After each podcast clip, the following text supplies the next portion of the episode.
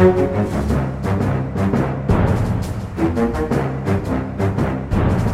you. Ja, du, tommel opp, tommel opp. Da kjører vi på med en ny episode av Aftenpodden USA. Og som vanlig består denne podkasten av Kristina Pletten, som er i Bergen under et ullteppe for at lytterne skal få så god lyd som mulig. Hvordan går det der? Jo, det går som passe. Litt, jeg sitter i en litt ukomfortabel stilling, men jeg tror det skal yes. gå greit. Jeg tror ikke noen skal merke det. Nei da, det skal helt sikkert gå bra. Jeg er Øystein Langberg, USA-korrespondent hjemvendt fra mine tolv dager i Israel og Midtøsten. Det er derfor denne podkasten kommer ut på onsdag for øvrig, for det har vært litt sånn styr å komme seg hjem. Det er en lang flytur, tolv timer, og jeg er litt jetlagd og sånn. Men jeg, vi snakket jo litt om dette i forrige uke, Kristina. Israel, USA, hvordan Det demokratiske partiet endrer seg. Jeg avsluttet jo turen min med en liten tur til Gazastripen. Mm. Uh, og skrevet en sak om det bl.a. i papiravisa på mandag. Om Maria på fire år som uh, har mistet hele familien sin, unntatt faren, som sto i en uh, sånn ruinhaug i, i, Gaza med kjolen sin. Og det var veldig sterkt. Det er noen dager jeg aldri kommer til å glemme som journalist. Helt sikkert. Og siden vi nå er en podkast der folk også kanskje liker å få et litt sånn blikk bak kulissene, så kan du jo gjerne fortelle hvordan du finner sånne personer. Dette var en veldig sterk historie om en familie som er, eh, ja, har fått livet bokstavelig talt i ruiner. Hvordan, eh, hvordan, jobber du for å finne en sånn familie? Nei, vi, har, vi, har, jobbet ganske mye. Bare det å reise inn i Gaza er jo ikke lett. Vi har sendt eh, masse søknader til Hamas, mm. til israelske myndigheter. Det var også mye vurderinger av sikkerhet og, og, og innreise og sånn. Og når vi kommer dit, så fungerer det sånn at vi møter en sånn fikser, som vi kaller det. Det jobber jo med en del land som kan språket, og som bor i, i Gaza. Så han, det er rett og slett at han, han, plukker meg opp med bil når jeg har kommet gjennom dette grensesluseanlegget deres. Og så kjører vi rundt fra på en måte ruinhaug til ruinhaug, får vi si. Noen ganger så er det litt sånn tilfeldig hvem vi møter. Vi møtte tilfeldigvis en far som, som lette etter minner etter døtrene som hadde dødd. Skoledagbøker og sånne type ting. Eh, og så hadde vi en avtale, de hadde gjort en avtale med denne faren til denne Maria på fire.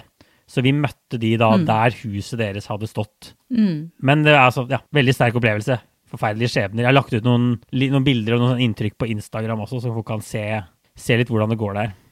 Du skriver jo bl.a. i saken din at plutselig så går eh, telefonnettet fra 4G til 2G, og du ja. ser esler ja. istedenfor biler og sånne ting. Jeg tror jeg skrev, jeg skrev, i saken at det var som å reise tilbake dit. Israel er jo egentlig ganske moderne land. Israel, Israel er jo et fascinerende land. Enorm innovasjonskraft. Det er jo gjort masse studier av hva Israel gjør riktig på innovasjonsfronten. Veldig bra mobilnett, i hvert fall i store deler av landet. Men, men, men altså Gazastripen, det er jo bare liksom snakk om 100 meter, og så bare endres alt seg totalt. Så ja, det er sånn Edge 2G, du kan liksom så vidt få sendt noen mailer, og det er liksom mobilnettet der inne, sånn det fungerer. Og ja, det er esel i gatene, barn reiser rundt på sånne kjerrer. Uh, og det er, ja, det er rett og slett bare helt annen, et helt annet sted. Veldig veldig mye fattigdom. Veldig mye mennesker som ikke har noe å gjøre. ikke sant? 40 arbeidsledige. Så det folk bare henger rundt. Det er skikkelig trist. Og bare for å anbefale alle å lese den eh, sterke reportasjen som dere har laget. Ja, men jeg får bare si vi har laget, vi har podkasten Forklart som kommer fem ganger i uka, hvor vi går inn i, i ulike aktuelle temaer, prøver å gjøre de engasjerende og forklarende. Og jeg har vært da denne uka eh, og snakket om, om, turen inn til Gaza, og litt mer om situasjonen der. Så jeg anbefaler folk å høre på Forklart, egentlig. Alltid. Eh, også kanskje den mm. episoden, da. Hvis de er interessert i å høre mer om Gaza. Fordi her på denne poden så handler det jo egentlig om USA. Dette blir en litt kronglete overgang, men i dag skal vi snakke om en mann som heter Donald Trump. For de som ikke husker han, så var han altså president i USA inntil ganske nylig. Og han har jo da forsvunnet litt fra mediene, egentlig. Eh, og vi har ikke snakket så mye om han siden han gikk av. Men det betyr ikke at det er helt stille rundt han. Det skjer egentlig masse ting i kulissene rundt Trump. Og vi skal snakke litt om hva det er de driver med, mm. og litt om vi vet noe mer om han vil stille igjen, og hva som taler for og imot det. Men først, Kristina, så får du si, da. Du som har fulgt med på USA mens jeg har vært ute i verden, og hva som har skjedd siden sist, rett og slett. Ja, det er tørke og hetebølge i California, og meteorologer advarer om at det kan bli nok en sesong med katastrofebranner i delstaten. Så det kan bli mm. en, eh, en stygg sommer for californiere. Og så i California så har det også vært nok en masseskyting. Denne gangen var det i San José. Ni personer ble drept av en tidligere kollega, eh, og han gjerningsmannen drepte til, til slutt seg sjøl. Så voldsbølgen ser ut som den bare fortsetter og fortsetter. Og så har Associated Press publisert en rapport om at toppsjefene i USAs største selskaper, altså SMP 500, de tjente en medianlønn på 12,7 millioner dollar i 2020. Og jeg har veldig begrensede regnekunnskaper, men jeg fant ut at det er ca. 400 000 kroner for dagen. Og det er ganske, det er ganske god lønn. Det er ganske god lønn. Veldig bra, Kristina. Det er jo nå gått litt under fem måneder siden stormingen av Kongressen, og det har gått litt over fire måneder siden Trump gikk av og, og, Biden tok over. Og vi får snakke litt mer om Donald Trump og hva han har drevet med siden da. Men jeg tenkte vi får først snakke litt om altså, hvor fremtredende han er i det amerikanske debatten, i det amerikanske samfunnslivet nå. For jeg må si at altså, det fremstår som det har vært litt sånn stillhet rundt han. Han har virkelig sånn forsvunnet litt fra i hvert fall sånn medieoverskriftene. Når man reiser rundt i verden, så er det ikke sånn at Trump dekker forsider rundt omkring. Uh, han dekker definitivt ikke mainstream media i USA. altså Det skrives om Trump, men det er jo en helt mye lavere profil enn han hadde. altså er du enig, Har han forsvunnet litt, vil du si det? Ja, jeg vil si at personen Trump har forsvunnet mer enn det trumpismen har. Ja. Så på en måte hans tankegods og det han eh, står for, da, er mye mer fremtredende enn personen Trump er. Så sånn sett så er det, er det riktig. Men han, han, henger jo liksom som en sånn klam hånd over amerikansk politikk fortsatt, da.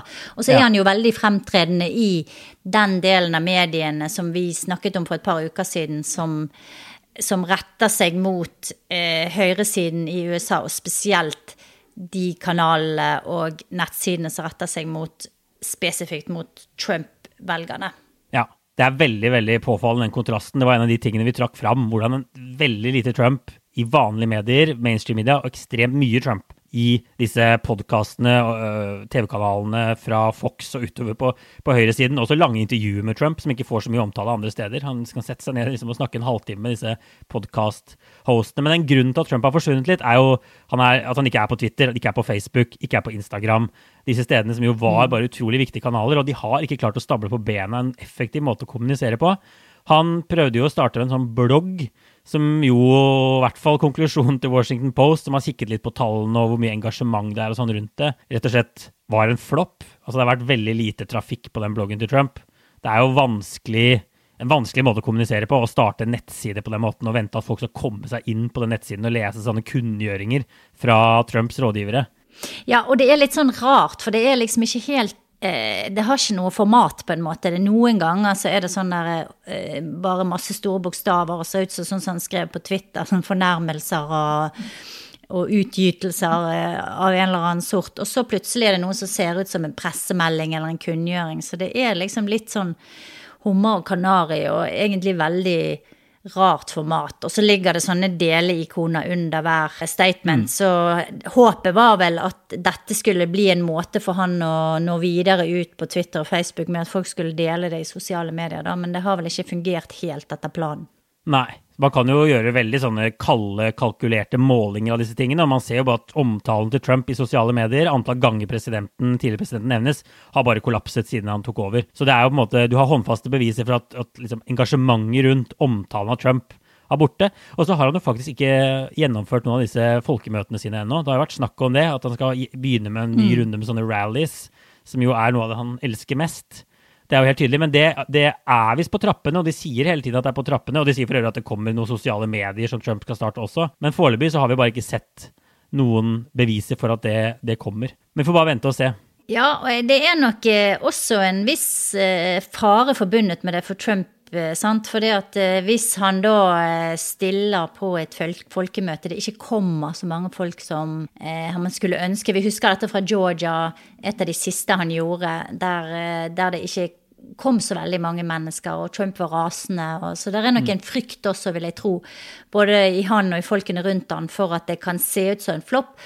Og hvis det skjer, ikke sant, hvis han stiller opp på en fotballstadion eller et eller annet sånt stort sted, og det kommer la oss si 5000 mennesker, og det ser litt sånn uh, puslete ut, ja. så kan han fort være ferdig, tror jeg, som, uh, som mulig presidentkandidat. da. Ja, Så vi får bare følge med på akkurat hva de gjør på den PR-kommunikasjonsfronten. Uh, og så spiller jo Trump selvfølgelig en god del golf, vet vi. Han slapper av på Mar-a-Lago. Det er jo ikke så rart. Det er jo intenst å være president i USA.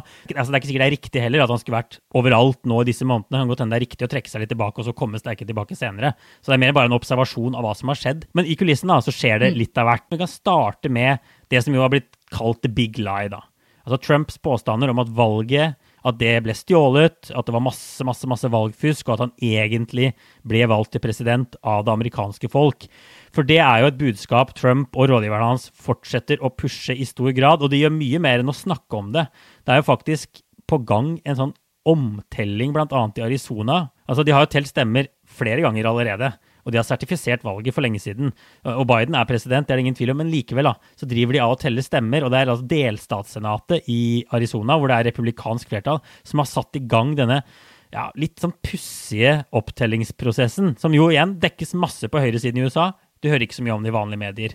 Men hva er det egentlig som skjer her? Det jo, høres jo veldig rart ut. Ja, det er en veldig rar greie der, som du sier, senatet i Arizona har gitt et selskap fra Florida i oppdrag å gjøre en audit, altså en slags sånn etterforskning av eh, valget i Maricopa County, som er det store countyet der byen Phoenix ligger. Og disse folkene har ingen erfaring med å gjøre dette her. Det har ikke vært ute på anbud, og lederen i senatene sier at hun ikke husker helt hvordan hun kom i kontakt med dem. Så alt rundt er litt sånn tåkete. Og så har de da fått tilgang til alle stemmene og eh, stemmemaskinene, som i seg sjøl er veldig kontroversielt. At eh, demokratisk avlagte stemmer, som jo skal håndteres på veldig spesifikke måter, plutselig er i hendene på dette her selskapet som ingen helt vet hvordan eh, kom dit. Mm. Eh, sjefen for dette selskapet har tvitret eh, QAnon-konspirasjonsteorier. Og en del av, så vidt jeg har forstått, da, en del av denne her etterforskningen som de gjør, ikke bare å telle stemmene på nytt, men de skal også undersøke papiret i stemmesedlene og se om det er bambus i det, for å se om det er noen av de som er plantet fra Kina. For det er en av disse konspirasjonsteoriene er at kineserne trykte opp falske, falske stemmesedler og smuglet de inn mellom de ekte i USA. Så det er sånne rare ting som eh, blir veldig latterliggjort på venstresiden, også må jeg si i mainstream media, da, men som er bekymringsfullt fordi at For det første fordi at de sitter og får faktisk eh, eh, tilgang til både stemmemaskiner og stemmer, men også fordi at Trump og andre pusher på for at lignende prosesser skal skje bl.a. i Georgia. Ja. Og det er jo ikke noe håp om å snu dette valget. Selv om de faktisk skulle finne noe substansielt, så er Biden president. Det er på en måte ikke noen måte å reversere det presidentvalget på. Men det er jo, det føyer seg jo inn i en sånn strøm av utspill og jeg vil få si eh, liksom, tiltak, ting de gjør, for å, å dytte dette, dette, budskapet om at valget ble stjålet videre. Altså, det, er liksom, det, er det budskapet de fortsetter å hamre inn på inn- og utpust fra Trump. De har på en måte ikke gitt en millimeter på det.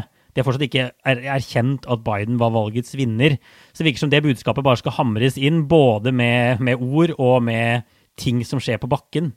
Uh, jeg vet ikke liksom hva de mm. håper å oppnå med det, egentlig. For meg så ser det jo ut som de lar kuppforsøket fortsette, rett og slett. Altså, de fortsetter denne løgnen med at valget var stjålet. De fortsetter å bygge opp en illusjon om at eh, det har skjedd noe som eh, gjør at Biden ikke er en legitim president. Og jeg tror at de legger grunnlaget for å bruke dette her i, i fremtidige valg, både i eh, mellomvalg og i presidentvalget i 2024. Det som er skremmende, er jo at i kombinasjon med å fortsette å spre denne løgnen og bygge opp under den med sånne rare prosesser som det som skjer i Arizona, så har de også politisert selve valgprosessen. Altså sertifiseringen av valget er i en del delstater flyttet til disse her delstatskongressene, altså til de folkevalgte. Mm. Og det betyr, mener mange eksperter, at de kan ha mulighet til å gjøre om på resultatet etter at det har kommet inn. Altså si at dette her resultatet er falskt. Eh, vi vet fra før ikke sant, at, eh, det, at, valget ble stjålet i 2020. De bruker det som argument, og så sier de at derfor vil vi ikke sertifisere dette resultatet. Og det er jo skremmende hvis det er hvis de bygger systematisk opp til en sånn undergraving av eh, demokratiet. Jeg syns det rett og slett er veldig skummelt. Ja, for det du sier der, det henger jo egentlig litt sammen med den andre tingen de jobber med. Det er jo innstrammingen av valglover over hele linja i en hel mm. haug med delstater. Vi har vært innom det før også. Én ting av det handler om å gjøre det vanskeligere å forhåndsstemme. Uh, gjør det vanskelig å stemme i det hele tatt. Du må ha ulike ID-kort og den mm. type ting. Det er én del av bildet. Vi har tidligere snakket om at det er litt sånn uklart hvor mye det egentlig har å si sånn til syvende og sist. De så bl.a. valget i, i fjor, at de statene som hadde liberalisert forhåndsstemmingen, brevstemmingen sin masse, det var ikke noe sånn, Demokratene gjorde ikke noe bedre der enn i stater som ikke hadde gjort det. Så det er litt uklart hvor mye det har å si til slutt. Men, men det er i hvert fall én ting som foregår. Og så er det dette du snakker om med selve valgprosessen, hvordan man godkjenner stemmene og sånn etterpå, som, som, det virker som mm. kanskje folk er mer bekymra over når det gjelder sånn om USA skal forbli et demokrati og den type ting. Vi hadde jo hele denne runden i Georgia etter valget hvor eh, administrasjonsministeren til slutt satte ned foten og sier liksom vi godkjenner disse stemmene, dette var et uh, lovlig, fair valg. Men det som skjer nå, gjør jo at disse administrasjonsministrene for det første kan det bli mer sånne Trump-lakeier valgt, eller for det andre så, så, mister de litt makt. Og da kan man risikere at, eh, at man ved neste korsveis, ja, som du sier, da, har et valg som åpenbart f.eks. er vunnet av demokratene, men hvor de da nekter å sertifisere det likevel i den delstaten. Og at man da ser liksom konturene av mulighetene for å gjøre mm. kupp. Og alt dette er jo liksom en del av den samme sånn sausen hvor de, hvor de dytter dette, den ideen om valgfusk. da. Så de får gjennom omtellinger, og de får gjennom lover for å gjøre det vanskeligere å stemme, og som gir politikere mer makt over valgprosessen. Og alt dette bekymrer jo folk. Ja, og med god grunn. Og eh, vi ser jo også på meningsmålinger at et eh, flertall av republikanerne tror jo på denne løgnen. Fortsatt. Ja, fortsatt. Og vil jo da eh, støtte opp under en sånne type endringer. Og i og med at man liksom bygger det opp så systematisk så de ser ut til å, å, å gjøre nå, da, så, så kan det bli veldig stygt. Og så vil jeg minne om at Trump begynte denne prosessen lenge før valget. Han begynte å undergrave valgsystemet og demokratiet allerede, tror jeg, før sommeren. Og han begynte å mm. snakke om det at det, eh, det var massivt valgfusk, at man ikke kunne stole på ditt og datt. Så dette her har allerede vært en lang prosess før valget, og så har den altså fortsatt fram til nå. Og det, det, ser ut som det er ganske koordinerte krefter som, eh, som jobber for å fremme dette her. Så det, det, er noe vi må følge nøye med på. Og det eh, Jeg tror det er noe som kan komme til å prege nyhetsbildet også de neste par årene. Ja, det ser absolutt sånn ut. Det er det som de bruker klart mest tid på, er, er akkurat de tingene her. Du nevnte meningsmålinger. Jeg så blant annet også en meningsmåling som ja, De viser jo det, da. Vi har, vi har sagt før. De aller aller fleste republikanere, 70-75% altså støtter varmt opp om Trump. Det betyr at hvis han stiller i 2024, så kan han antageligvis bli partiets kandidat. Det er liksom, virker som det er en, en eh, done deal, egentlig. Og vi ser også en sånn Ipsos-måling nå som, hvor, hvor, halvparten av republikanerne sa rett og slett at de mener at Trump er den faktiske presidenten for øyeblikket nå. Og jeg, jeg, jeg skjønte ikke helt det, det, spørsmålet kan jo tolkes på to måneder, men det betyr jo at en god del republikanere antageligvis tror at, at Trump faktisk styrer landet. Det er jo også en sånn konspirasjon at Biden egentlig ikke tok over, og Trump sitter i Det hvite hus og, og trekker i trådene nå. Og det er også ganske sånn skremmende tall. Eh, altså halvparten det virker jo bare ekstremt høyt. Altså ikke halvparten av amerikanere, men halvparten av republikanere. Og Jeg har også kommet noen sånne QAnon-meningsmålinger nå som viser sånn oppsiktsvekkende høy oppslutning om disse QAnon-ideene i det amerikanske folk. Ja, én eh, av seks amerikanere sier at de tror at USA styres av et eh, satanistisk pedofilt nettverk. Så tygg litt ja, på den. Tygg litt på den. Men du, Kristina, vi snakket litt om, om, valgsystemer og opptelling og de tingene som gjøres der, men det har jo også vært snakk om liksom, kamper innad i republikanske partier, og det har vært snakk om en borgerkrig og den type ting.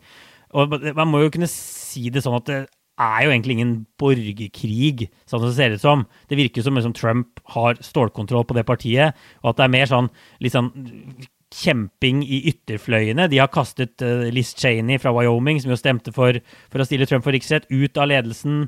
Andre folk som kritiserer Trump, sliter også. altså De blir på en måte skjøvet ut. Men det virker som partiet, altså liksom, kjernen av partiet, mener at trumpismen er veien å gå.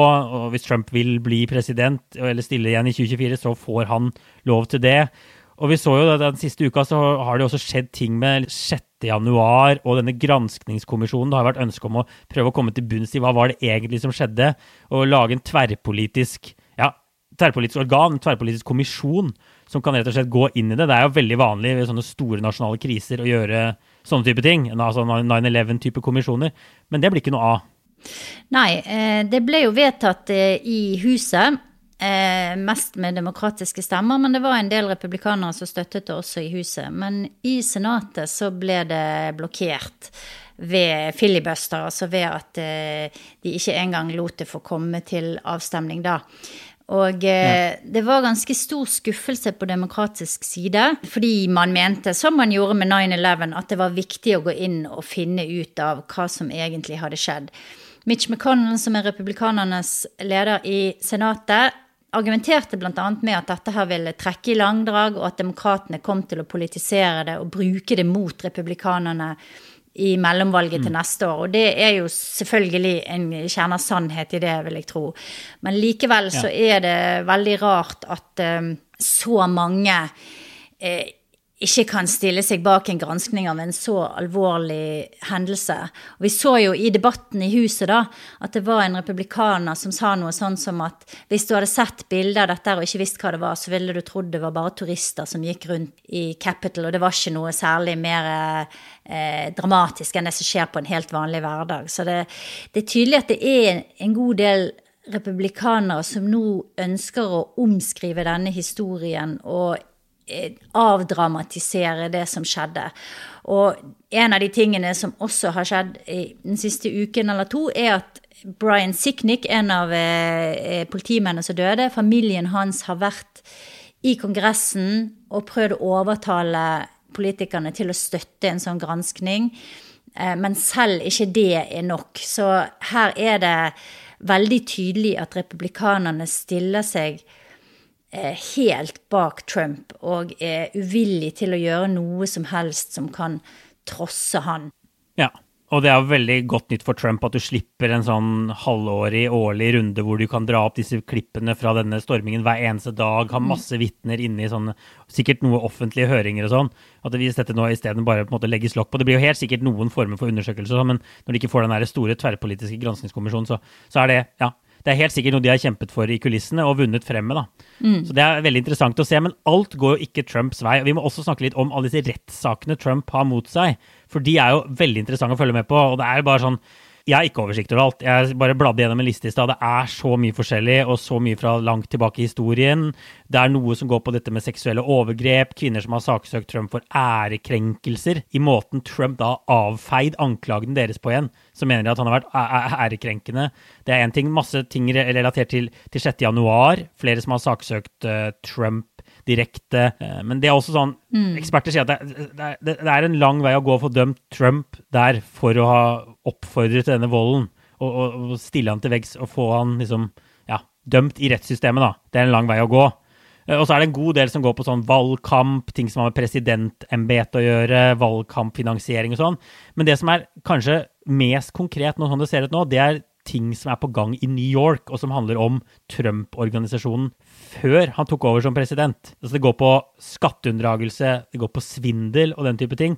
Og der mm. skjer det ting nå uke for uke som får ganske mye oppmerksomhet. Egentlig så er det to ulike saker på gang, eh, og den ene saken ble nå utvidet fra å være en sivil rettssak til også å bli en strafferettssak, som ble tolket som et, et dårlig tegn for Trump. da, Tegn på at de kanskje finner ting, har mer beviser, har en bedre sak enn man har trodd til nå. Eh, og så har det også blitt eh, i ferd med å bli utvidet en sånn storjury i en annen sak som også altså, Det er ikke tatt ut noe tiltale, sånn, men det, det, det, tolkes som et tegn på at her er det noen håndfaste ting.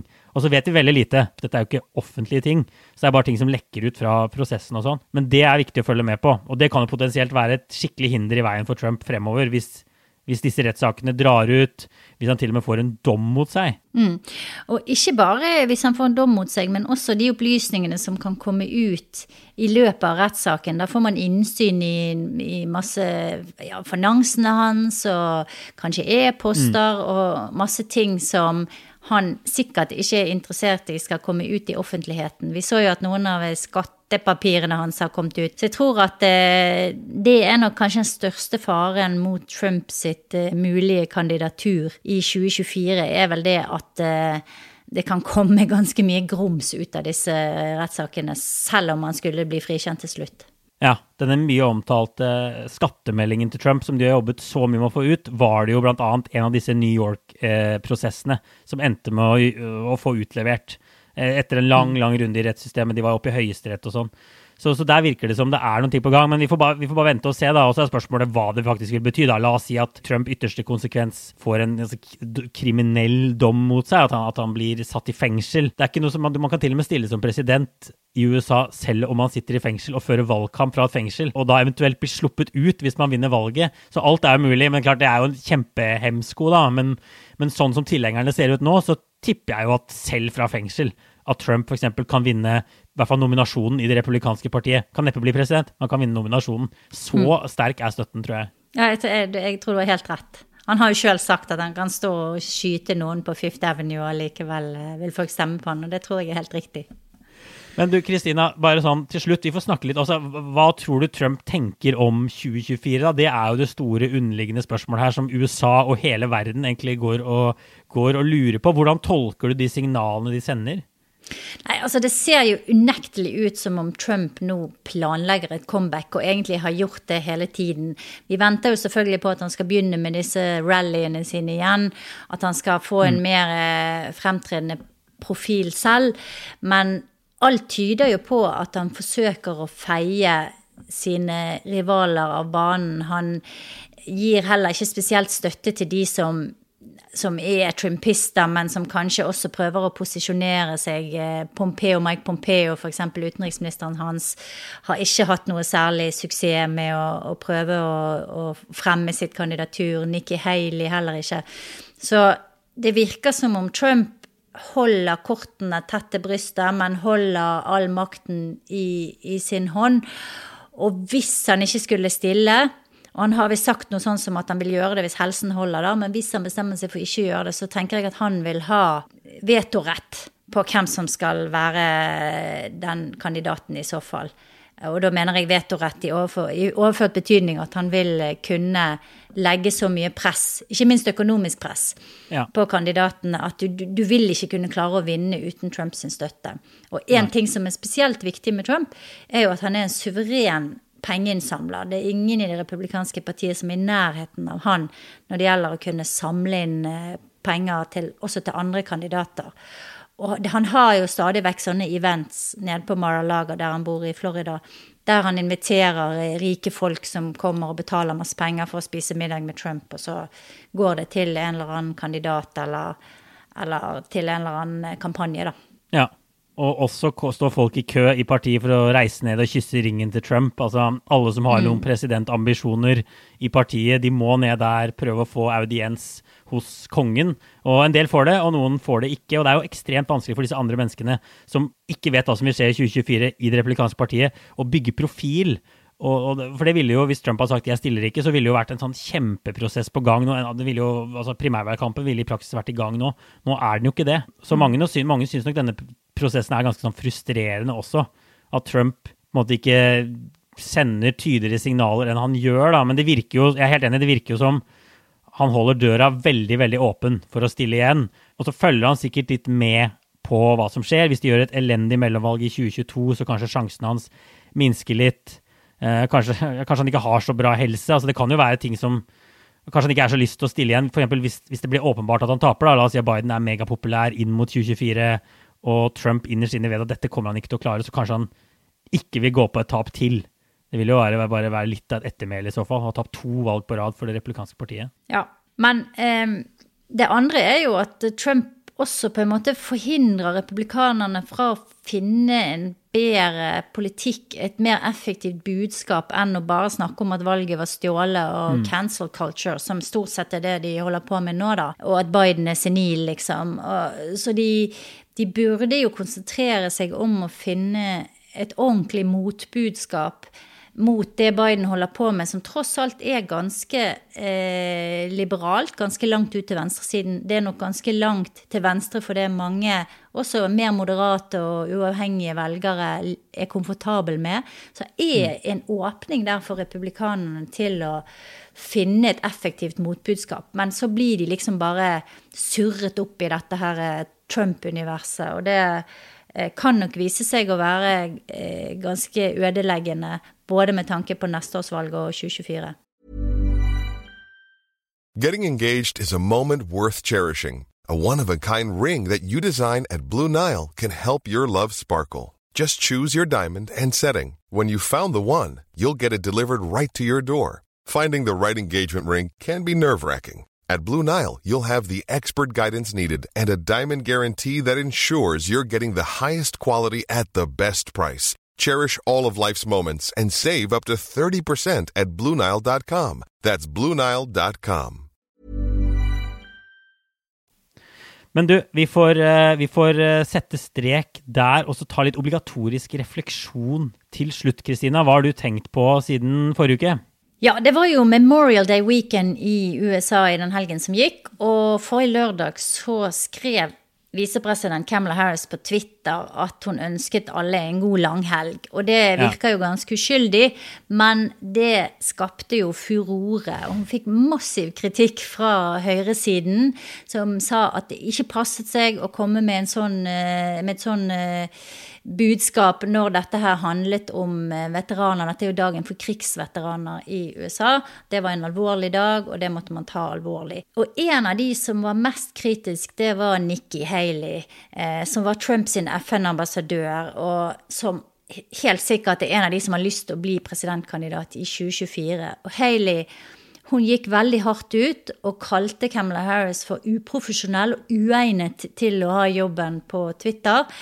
Men så slo det ganske hardt tilbake på henne noen få dager seinere, for da tvitret hun ut et bilde av seg sjøl og sønnen på en strand på mm. selve Memorial Day, mens Camelot Harris da var et eller annet sted og eh, var med på disse paradene og hedret krigsveteranene. Så Hailey fikk massiv motbør.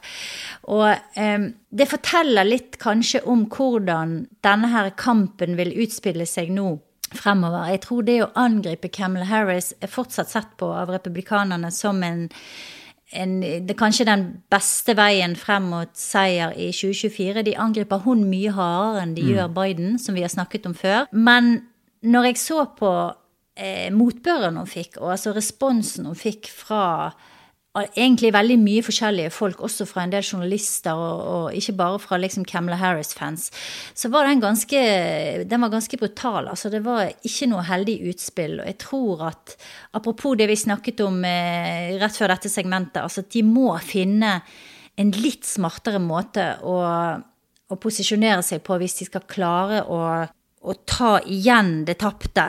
Og det tror jeg spesielt gjelder for sånne kandidater som Nikki Haley, som nå kanskje kunne hatt en mulighet til å trekke en del eh, mm. uavhengige velgere, stjele en del velgere fra Biden, men som isteden velger å gå i det der eh, Liksom ned i den grøften der. Så ja. Eh, det, det, var på en måte en liten greie. Det var liksom en eh, hva heter det, en fjær som ble til fem høns. Men det var likevel grådig interessant, for det, det forteller noe om dynamikken i amerikansk politikk akkurat nå. Ja, for Memorial Day Weekend, da har de jo fri mandag etter helgen, og da er det jo på en måte mm. veteraner og sånt som står i fokus.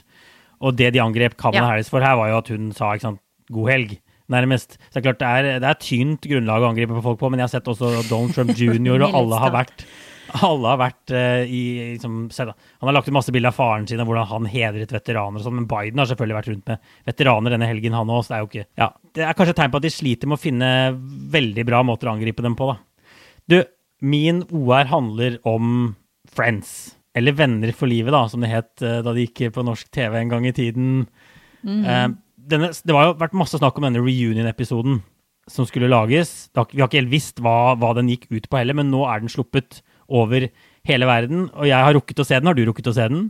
Ja, det har jeg faktisk. Mm. Det er kanskje litt flaut å si det, men jeg har jo det. Ja, altså, jeg har også rukket å se den, og det er jo selvfølgelig litt kleint. Jeg syns det aller skumleste er å se hvor gamle de er, selvfølgelig. Hvor operert en god del av de er. Mimikken i ansiktene var jo noe av det beste med disse karakterene, og nå er de så, så vidt de kan smile, ikke sant. Så, så, det var litt skummelt, men jeg må bare si at jeg, jeg syns den måten de gjorde det på, da, i stedet for å lage en sånn 20 år etter eh, hvordan går det med, med liksom karakterene nå? Så lager de en sånn ja, klassefest-reunion. Jeg syns det er bare en fantastisk bra måte å gjøre det på. Og jeg syns de tilfredsstiller fansen. Og med fansen så mener jeg meg selv. Jeg var fornøyd. Jeg, jeg, jeg må si jeg elsket dette ganske mye. Eh, jeg er jo barn av 90-tallet, vokste opp med Friends. Jeg har sett ekstremt mye Friends.